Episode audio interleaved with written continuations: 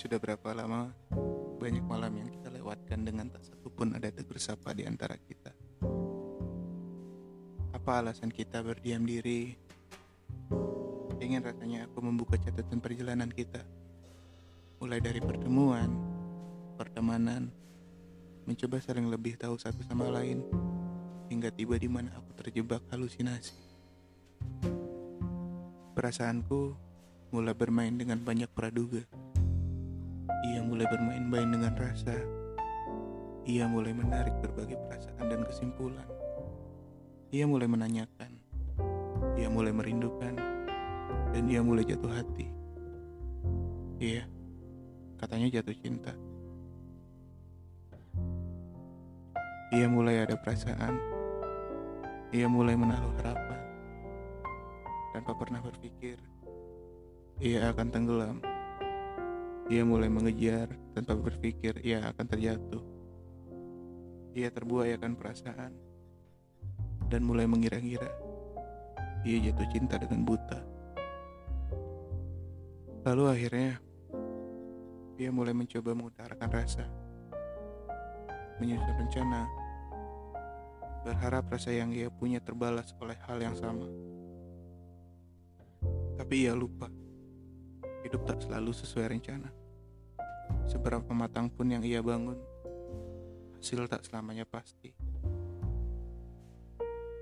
Ia mulai bicara. Hati yang ia pilih sebagai teman, hadir sebagaimana layaknya teman. Ia terjebak pada rimba yang tak pernah ia duga. Ia tersesat teramat lama. Terlalu lama hingga akhirnya ia lupa jalan untuk kembali pulang. Kini ia mencoba tenang. Namun ketahuilah, ia tak pernah kembali baik-baik saja.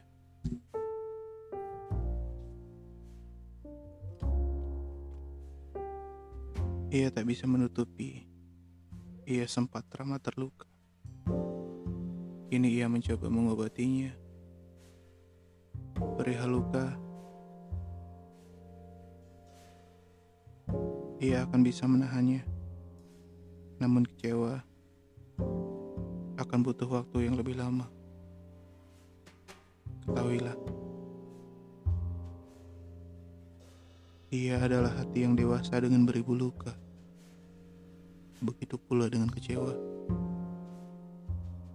Dan ia pun tahu, hati yang bisa ia peraih memberikan pelajaran yang teramat berharga. Ia berterima kasih padanya yang kini telah berdamai dengannya.